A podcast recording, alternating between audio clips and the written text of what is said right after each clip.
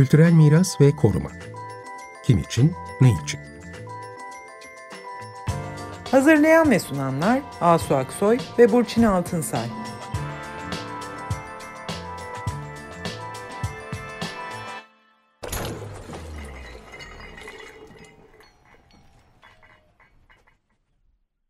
İyi akşamlar, ben Asu Aksoy. İyi akşamlar, ben Burçin Altınsay. Bu akşam yine 11 ilimize etkileyen büyük depremin ardından konuşuyoruz. Halen iyileşme sürecine girmeye çalışıyoruz. Henüz ilk yardım ve destek yollama çabaları sürüyor. Ve depremin etkileri de hala yaşanmakta. Tekrar artçılar oluyor. Ve bütün dikkatler bu 11 il içinde Antakya üzerine yoğunlaşıyor. Özellikle de tarih ve e, koruma alanında çalışanları tabii çok doğrudan ilgilendiriyor Antakya şehri. Antakya kültürel katmanlarıyla, kültürel çeşitliliğiyle hem kültür varlıkları bakımından hem de toplumsal yapısıyla farklı bir yer. Ve onun çok yakınında Halep şehri var. Orası da çok benzer şekilde zengin bir e, şehir ve ikisi de ne yazık ki büyük ölçüde harap oldu ve depremin harabiyetinin çok fazla olması Antakya'da ayrıca oraya yine dikkatleri çekti. Bir yandan da Antakyalıların şehirlerine bağlılıkları, aidiyetleri de bir başka. Hep Antakya ruhundan söz ediliyor. Biz de programlarımızda söz ediyoruz bundan. Bu akşam çok özel bir konuğumuz var. Benim sevgili dostum ve meslektaşım Mert Nezih Rifaioğlu. Hoş geldin Mert. Hoş bulduk. İyi akşamlar. Hoş geldiniz. Hoş bulduk. Mert, doçent doktor Mert Nezih Rifaioğlu Antakyalı. Antakya'da çalışıyor ve orada yaşıyordu. Depremi yaşadı aynı zamanda. Ee, bu arada Antakya'nın e, büyük ailelerinden birisinin mensubu ve ne yazık ki e, sizin de kayıplarınız oldu Mert. Bunlar için başsağlığı evet. diliyoruz ve yani böyle bir durumda geçmiş olsun denir mi bilmiyorum ama geçmiş olsun diyelim sana. Teşekkür ederim. Yine de. Sabır. Ee, evet, evet sabır diliyoruz ve işte destek buradayız, destek olacağız. Hep beraber evet. bunları aşacağız. Evet. Ee, Mert Hepimizin. mimar, e, ODTÜ Kültürel Miras Programı'ndan da mezun. Aynı zamanda e, benim de okuldaşım koruma konusunda uzman yani e, İskenderun Teknik Üniversitesi'nde öğretim üyesi olarak çalışıyordun. Ve hep e, Antakya üzerinden çalışmalarını da aslında yoğunlaştırmışsın ve yakın zamanda geçen Kasım ayında İKROM'da, İKROM Uluslararası Kültür Varlıklarının Koruma ve Araştırma Merkezi, Eğitim Merkezi. E, burada bir sunuş yapmışsın bu senin doktora sonrası araştırma projendi. Çok katmanlı Antakya tarihi, kent dokusunun kültürel miras değerlerinin yorumlanması ve sunumuna yönelik koruma stratejilerinin belirlenmesi. Bu 10 aylık bir bilimsel araştırma çalışmasıydı. Bunun da yakın zamanda sonuçunu yapmışsın. Yani sen aslında hem Antakyalı olduğun için duygusal bağların var ama bilimsel bir gözle de Antakya'yı e, incelemişsin, çözümlemişsin ve depremi de yaşadın. Orada da yaşıyordun. Çalışma hayatın da orayla çok ilişkiliydi. Tabii ki bu güçlü bağlarınla birlikte bilimsel bakışın da var. Onun evet. için biz sana önce senin Antakya'nı bize anlatmanı istiyoruz. Onu soracağız. Ve istersen eğer hani sormak istemiyoruz biz ama depremin Antakya'daki etkilerini, onun deneyimi de söz edebilirsin eğer istersen. Peki, çok teşekkür ederim Burçin Hanım, Asu Hanım. Ee, evet, duygusal bir e, bağım e, var. E, çok da hani köklü ve geçmişi olan bir bağ tabii ki. Oralıyız. Ben de, eşim de. E, büyük dedem e, Lütfü Rifai, Antakya Lisesi'nin kurucu müdürü, e, Fransız Manda İdaresi'nde Atatürk'ün silah arkadaşı. Dedem Antakya'nın ilk fotoğrafçılarından fotokemiksiz. Ee, çocukluğum e, Cindi Hamamı'nın e, yanındaki eski Antakya evinde geçmişti. E, ben o sokaklarda büyüdüm aslında. E, hep dedelerimden, büyüklerimden e, yaşadığım Antakya'nın daha ilerisine dair hep e, anılarla büyüdüm diyebilirim. Böyle bir çocukluk başlayan aslında bir bağ. Bu duygusal bağ her yerde karşıma çıkıyor tabii ki. Daha sonra tabii bir bilim insanı olarak da özellikle lisansüstü çalışmalarımla birlikte 25 yıldır özel olarak Antakya üzerine çalışıyorum. Doktora araştırmam dediğiniz gibi yüksek lisans doktora araştırmam, doktora sonrası araştırmam e, hep Antakya'nın aslında kültür miras değerlerinin e, tanımlanması, anlaşılır olması, algılanabilir olması ve korunması üzerine odaklanıyor. E, Antakya'da gözle görünenin ötesinde bir aslında Antakya'nın e, varlığına hep birazcık aslında kafa yoruyordum ve onun algılanabilir ve o, o, onun hani o değerlerin de e, korunabilir olması için araştırmalar yapmaya gayret gösteriyordum ve bu araştırmalarım birinci dereceden kaynaklara güvenir, kaynaklara odaklanarak yani duygusal bağımın ötesinde e, hani bilimsel temeli güçlü olan bir metodoloji üzerinde yürütmeye gayret gösteriyordum. E, tapu arşivleri, tapu kayıtları, kadastral planlar, e, mülkiyet hakları, mülkiyet haklarının oluşturduğu tarihi çevrenin e, karakterini, kimliğini, totalinde aslında somut ve soyut değerler bütününün oluşturduğu yerin ruhunu anlayıp onun korunmasına yönelik e, bir çalışma yöntemim vardı diyebilirim. Çok çeşitli platformlarda aslında ben e, araştırma bulgularımı sunma fırsatını yakalamıştım. Hatta ilki İKOMOS'un Quebec, Kanada'da gerçekleştirdiği yerin ruhunu keşfetmek temalı bilimsel sempozyum da olmuştu. Farklı farklı işte bahsettiğiniz gibi işte en son yaptığım Kasım ayındaki İtalya Roma'daki araştırmamın bulguları da yine e, bu kapsamda gerçekleşmişti. Seminerler, konferanslar, toplantılar, e, birçok işte yazılı makale, bildiri vesaire e, gerçekleşti ama ilk kez bu e, programda Antakya'yı konuşmak e, çok farklı hisler uyandırıyor şu an bende. Gerçekten hem çok kıymetli buluyorum bu sizinle beraber bu programda bulunmayı ama aynı zamanda da bir ağırlık da var üstümde. Hala atamadım. O da deprem sonrasındaki yani depremle beraber oluşan durumdan da kaynaklanıyor diye düşünmekteyim. Depremde oradaydım evet. E, depremde e, hani kişisel olarak evimiz yıkıldı vesaire falan ama çok sayıda da tabii e, yakınımız, çevremde sevdiğim, eşim, dostum, Antakya'da olan herkes, biz birbirimize kardeşleriz yani bütün kardeşler, bütün herkes etkilendi, etkilendik. E, ama hani aslında içinde doğduğumuz, büyüdüğümüz, yaşadığımız tüm anılarımız, tüm belleğimiz e, bir anda yerle bir oldu. E, yani ilk e, şeyden çıktığım zaman, e, evden çıkabildiğimiz zaman çok büyük bir şey yaşadığımızı algılamıştık. Yani hemen zaten aile büyüklerini falan bir araya getirip onları bir organize etmeye çalıştık ama akabinde hemen işte diğer göçük altındaki kişilere ulaşmaya çalıştık vesaire. O sırada kenti daha çok gözlemleyebilmek ve onu görebilmek e, bir diğer yıkım oldu benim için diyebilirim. Bence her Antakyalılar orada bulunan ve bulunmayan bir şekilde kesmiş herkes için öyle olabilir. Çünkü tabiri caizse gerçekten de Antakya yok olmuştu. Ee, yani şu an mevcut olan Antakya bildiğimiz Antakya değil. E, var olan ayakta duran yapılar da bir yokluk e, durumunun içinde o, olduklarını gördüm. Çünkü onlar da çevreleriyle beraber e, o hani o kümülatif kültür birikimiyle birlikte Antakya'yı oluşturuyordu.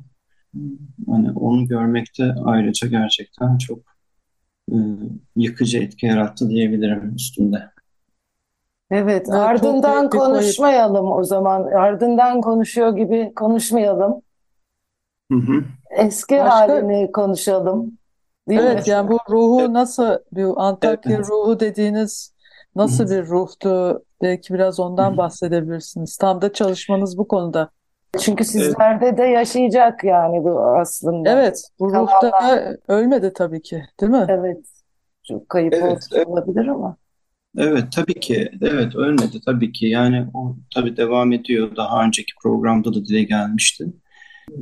Benim açımdan hani eski Antakya üzerinden konuşacak olursak hani Antakya'nın o görünenin ötesindeki e, kültür mirası değerlerini irdelemeye çalıştığımız zaman örneğin işte bir sivil mimarlık dediğimiz şey Antakya'da genel olarak tanımlanan bir sivil mimarlık e, tanımlaması var ama onun ötesinde başka şeyler de var.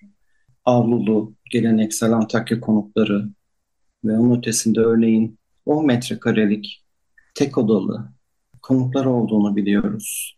İşte çeşitli cemaatlerin, büyüklerinin, dini önderlerin kullandığı, ne bileyim camilerin, ziyaretlerin yanında bulunan konutları olduğunu biliyoruz. Sabunhaneler gibi e, Osmanlı dönemi işte endüstri yapıları diyebileceğimiz yapıların çevresinde oluşmuş işçi konutları veya bekar odaları diye de geçebiliyor bazı özellikle İstanbul üzerinden yapılan çalışmalarda okuyoruz onları. Bu nitelikte konutları olduğunu biliyoruz.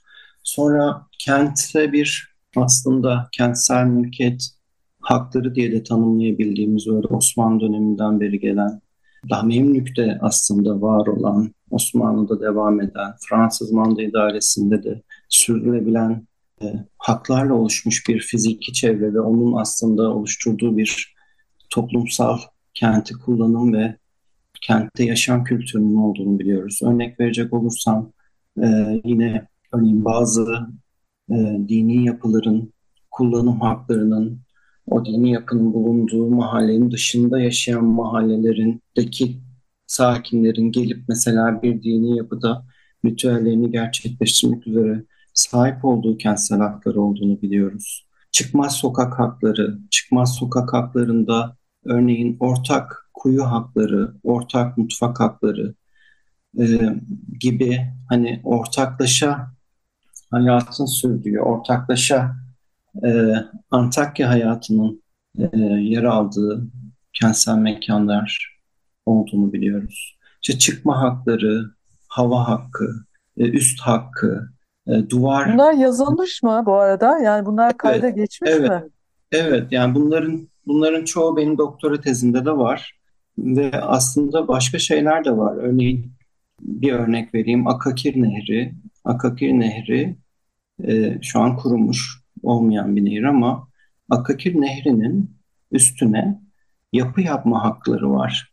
Ve mesela işte altından geçen nehrin akışına engel olmadan üstüne yapıla yapılabilir diye gelen Hmm. haklar var ve o e, haklara bağlı olarak da yapılmış yapılar olduğunu biliyoruz. Şu an e, çoğu yıkıldı e, onların E, gibi. Yani bunlarla hani bunlarla bir beraber Antakya'yı anlamak, kavramak, o kültür mirasını değerlendirmek aslında hani görünenin ötesinde e, görünmeyen arka plandaki kültür mirasını oluşturan, tetikleyen, domine eden e, niteliklerle beraber anlamak belki de Antakya ruhunun sürülebilir kılması, kılmaya e, etken olabilir diye düşünüyorum. Yine hani şeyler de var tabii. Göç edenler, e, o göç edenlerin bıraktığı veya beraber götürdüğü materyaller. Mesela Brezilya'ya çok göç olduğunu biliyoruz. Brezilya'ya göç edenlerden kalan konutların bazılarını çalışmıştım gayretten. Ee, o, o- onlarla ilişkili şeyler var. Yani çok boyutlu, aslında çok katmanlı her zaman dediğimiz gibi bir kent. Ama bu katmanlaşma sadece salt, böyle fiziksel, böyle üst üste binen tarihsel süreçte olmuş ve stratigrafik açıdan böyle incelenerek ortaya çıkan bir katmanlaşma değil sadece benim demeye çalıştığım. Hı hı. Aynı zamanda bir yatay katmanlaşma, toplumsal katmanlaşma ve kültürel katmanlaşmanın bir alaşımı aslında tarihi kent dokusunun kültürel miras değerlerini oluşturuyor. Yani mesela yatay katmanlaşmada dediğim yine bir örnek verecek olursam Kurtuluş Caddesi'ndeki işte Fransız Manda dönemindeki yol genişletme çalışmalarıyla beraber şu anki Kurtuluş Caddesi'ndeki yani cephesinin de var olan birçok yapının bir kısmının hani yola terk edilerek yerine hani geleneksel yapıya entegre edilmiş neoklasik üsluplu yapıların olduğunu biliyoruz. Yani bu böyle işte kültürel e, yaşam pratiklerinin değişimine, dönüşümüne, işte avlulu yapılaşmanın sofalı yapılaşmaya dönmesine, salt konut işlevinin ticari işlevlerle örgütlenerek başka bir aslında e, fonksiyon ve mimari biçimi üretmeye başladığından filan da bahsedebiliriz. Yani bunların hepsi aslında bir bütünsel olarak e, bir arada değerlendirdiğimiz zaman katmanlaşmayı da anlayabiliyoruz. Mesela Beyseri Hamamı yine özel olarak çalıştığım bir yapıydı. Memlük dönemi yapısı ki 248 yıllık bir dönemi var Memlüklerin. E, soğukluğunun yola terk edildiğini, ılıklığın soğukla işte e, soğukluğun ılıkla falan diye dönüştüğünü biliyoruz. Migve kültürünün o hamamda yer aldığını ve daha sonra değiştiğini biliyoruz. Yani bu, bu bütün külliyatla beraber aslında Antakya'yı ele alabilmek, Antakya'yı hani irdeleyebilmek ve belki de hani sonrasında yapılabilecek şeylerde bu birikimin e, referanslarıyla e, o aidiyeti, o toplumsal, oradaki kültürel birlikteliği yeniden e, iyileştirmek söz konusu olabilir gibi geliyor bana. Sen aslında sonrasında... ilginç bir şeyden söz ediyorsun. Yani sen bütün bunları okuyabilmek e, mümkündü bu kentte diyorsun ve fiziksel mekanın şekillenişinin arkasındaki sosyal ilişkileriyle birlikte okuyorsunuz. Ve bu tabii bu tür evet. çalışmalar şu noktada çok kıymetli olacak. Bunlar evet. iyi ki yapmışsınız. Yani insan bilemiyor tabii. Bilemiyor değil belki biliniyordu ama bunları iyi ki yapmışsınız. Çok değerli e, şeyler söylüyorsun. Çok da ilginç ve oraya özgü belli ki bunlar. Geleceğe doğru hani biraz başladın ama Çok aslında hemen yani geniş bir şekilde bilinmesinde yarar var. Bütün bunlar tabii, onu tabii. ben de. Bunlar evet yani ki bunlar daha önceden yapılmış. Şey, tabii Antakya deyince hani yemekleri, güzel yemekleri ve işte hmm. dinlerin bir aradalığı bunlar hep söylenir ama o senin yatay katmanlaşma dediğin bunun arkasında başka türlü örüntüler de var. Onların da e, onların da gözetilmesi lazım. Bu hani anıtsal yapılar, işte simgesel yapılar tamam elbette onlar önemli. Onların canlandırılması önemli. Ama bu dokunun evet. da canlandırılması gerekiyor. Yani geleceğe doğru nasıl düş ne düşünüyorsun? Bunlar yapılabilir mi? Yap nasıl yapılabilir böyle biraz var mı? Bence yapılabilir çünkü e, Antakya Antakyalılık e, çok kıymetli evet e, ve aslında tüm Antakyalılar e, tarihi dokuya e, gönülden bağlılar. Yani içinde yaşasalar da yaşamasalar da e, mutlaka belleklerinde, hafızalarında, arşivlerinde Antakya'ya dair ciddi bir külliyat var. E, yani bu külliyatın birlikteliği, bu külliyatın belki de oluşturulma biçimi kurgulanabilirse bir kent belleği arşivi gibi daha önce işte İkinci Dünya Savaşı'ndan sonra Polonya'da veya başka yerlerde yapıldığı gibi. Böyle bir hani kentsel bellek arşivinin e, oluşturulma çabası veya oluşturulma biçimi uygulanabilirse ve bence bu çok çabuk örgütlenebilir bir şey. Evet. Ee, Ama burada yapılan... dikkat edilmesi evet. gereken bir şey var. Siz çok önemli bir şey söylediniz. Ortaklık haklarından yani ortaklaşa hayat haklarından, müştereklik evet. hayat haklarından evet. bahsettiniz. Evet. Bence bu çok önemliydi. Yani aslında evet. kentsel bellek arşivi iki türlü kurulabilir. Birisi der ki getirin şeylerinizi, fotoğraflarınızı, albümlerinizi burada topluyoruz diye der. Öbürü ise bunu evet. birlikte kurmak ve birlikte düşünmektir. Birlikte. Evet işte zaten e, belki de hani o motto bu yani bu ortaklık meselesi. Çünkü e, tarihi dokuda gördüğümüz temel e, değerlerden birisi bu. Yani bakın e, bir çıkmaz çevresinde çıkmazda mesela mülkiyet hakkı var. 16 hanenin mülkiyet hakkına sahip olduğu çıkmaz sokaklar biliyorum. E, bunlar böyle bir aslında kent içinde alt teritoriler oluşturuyor. E, işte çeşmesi, kuyusu, usu, busu yani e, birlikte yaşam kültürünün aslında fiziksel yansımaları, kentsel mekansal yansımaları. Kim tekim aslında tekil olarak e, sivil mimarlık örneklerinde de bunu görüyoruz. Yani avlu kültürü, avluda yaşamın içme meselesi, e, işte komşuların bir aradalığının avlularda gerçekleşiyor olması gibi gibi. Yani o ortaklık e, her zaman vardı, e, var olmuş tarihsel süreç içinde ve bu hani zamansal bir e, birikim, e, onun fiziksel e, karşılığını kaybetmemişiz e, her zaman da aslında vardı. Bunun üzerinden bu ortaklık bilinciyle bir hepimize ait olan bu kültürel mirasın birlikteliğiyle e, Antakya'yı yeniden iyileştireceğimize inanıyorum. Ve çok çabuk biliyor musun? Çok çabuk e, platformlar örgütlendi, kuruldu. Hmm. Antakya'nın e, içinde mi? olmayan birçok insan, evet evet ben de içinde. Araya geliyorlar. Evet. Birkaçın içinde. Bu önemli aslında çok. Evet evet yani bu, Onu da işte... soracaktım ben. Yani çünkü bu hani sonrasını nasıl düşünmek? Çünkü bir taraftan her şey çok hızlı oluyor gibi görünüyor. Böyle sahaya herkes koşuyor. Şunu yapalım, bunu yapalım. Arkeolojik evet. alanları ortaya çıkaralım, şehri başka yere taşıyalım fantastiklerinden. Evet. Yani bir sürü şey böyle hurra yapılıyor gibi. Oysa ki evet. insanın hissettiği şey biraz durmak. Yani bir durmak, yaraları biraz. değil mi?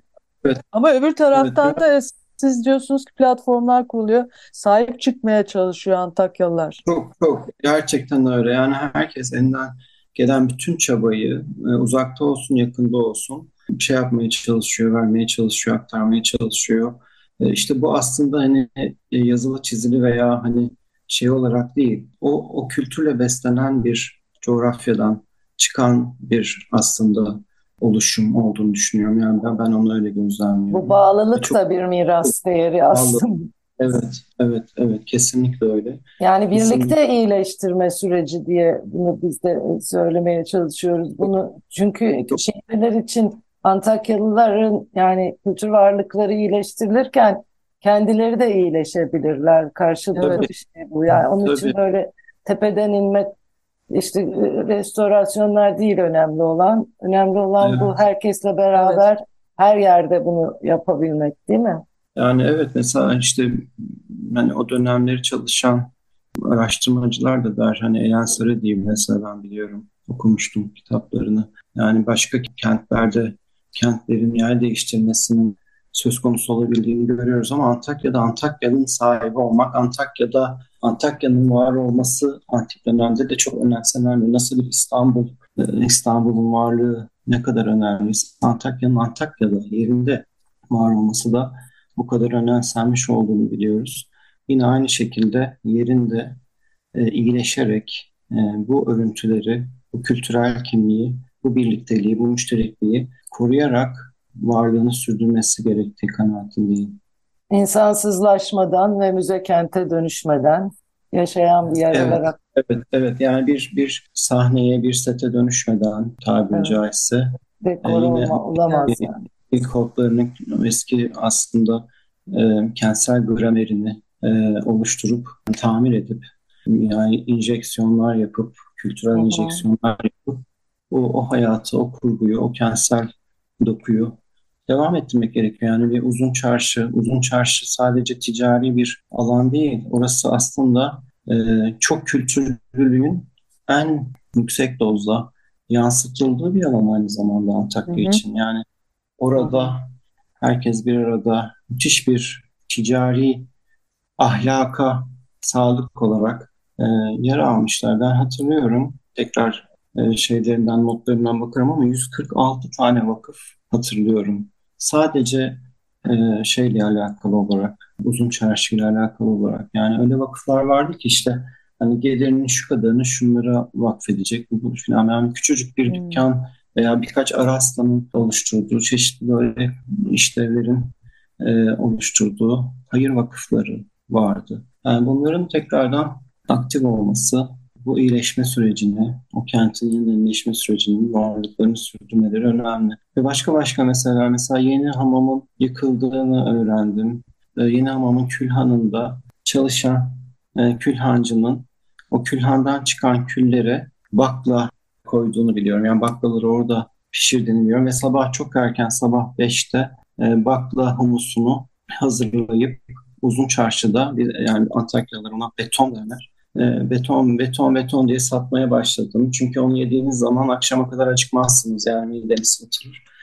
evet, o, yani, öyle de bir şey var. Yani hep bunların yeniden aslında hayat bulmasını arzu ediyorum. Umarım şey olur. Evet. Yeni bir hikaye değil. Bu Antakya'nın iyileşmesi evet. ve yaşamına tüm bu değerleriyle devam etmesi. Evet, evet kesinlikle öyle. Sizler de ve çalışmalarınız da böyle şeyler için çok değerli olacak.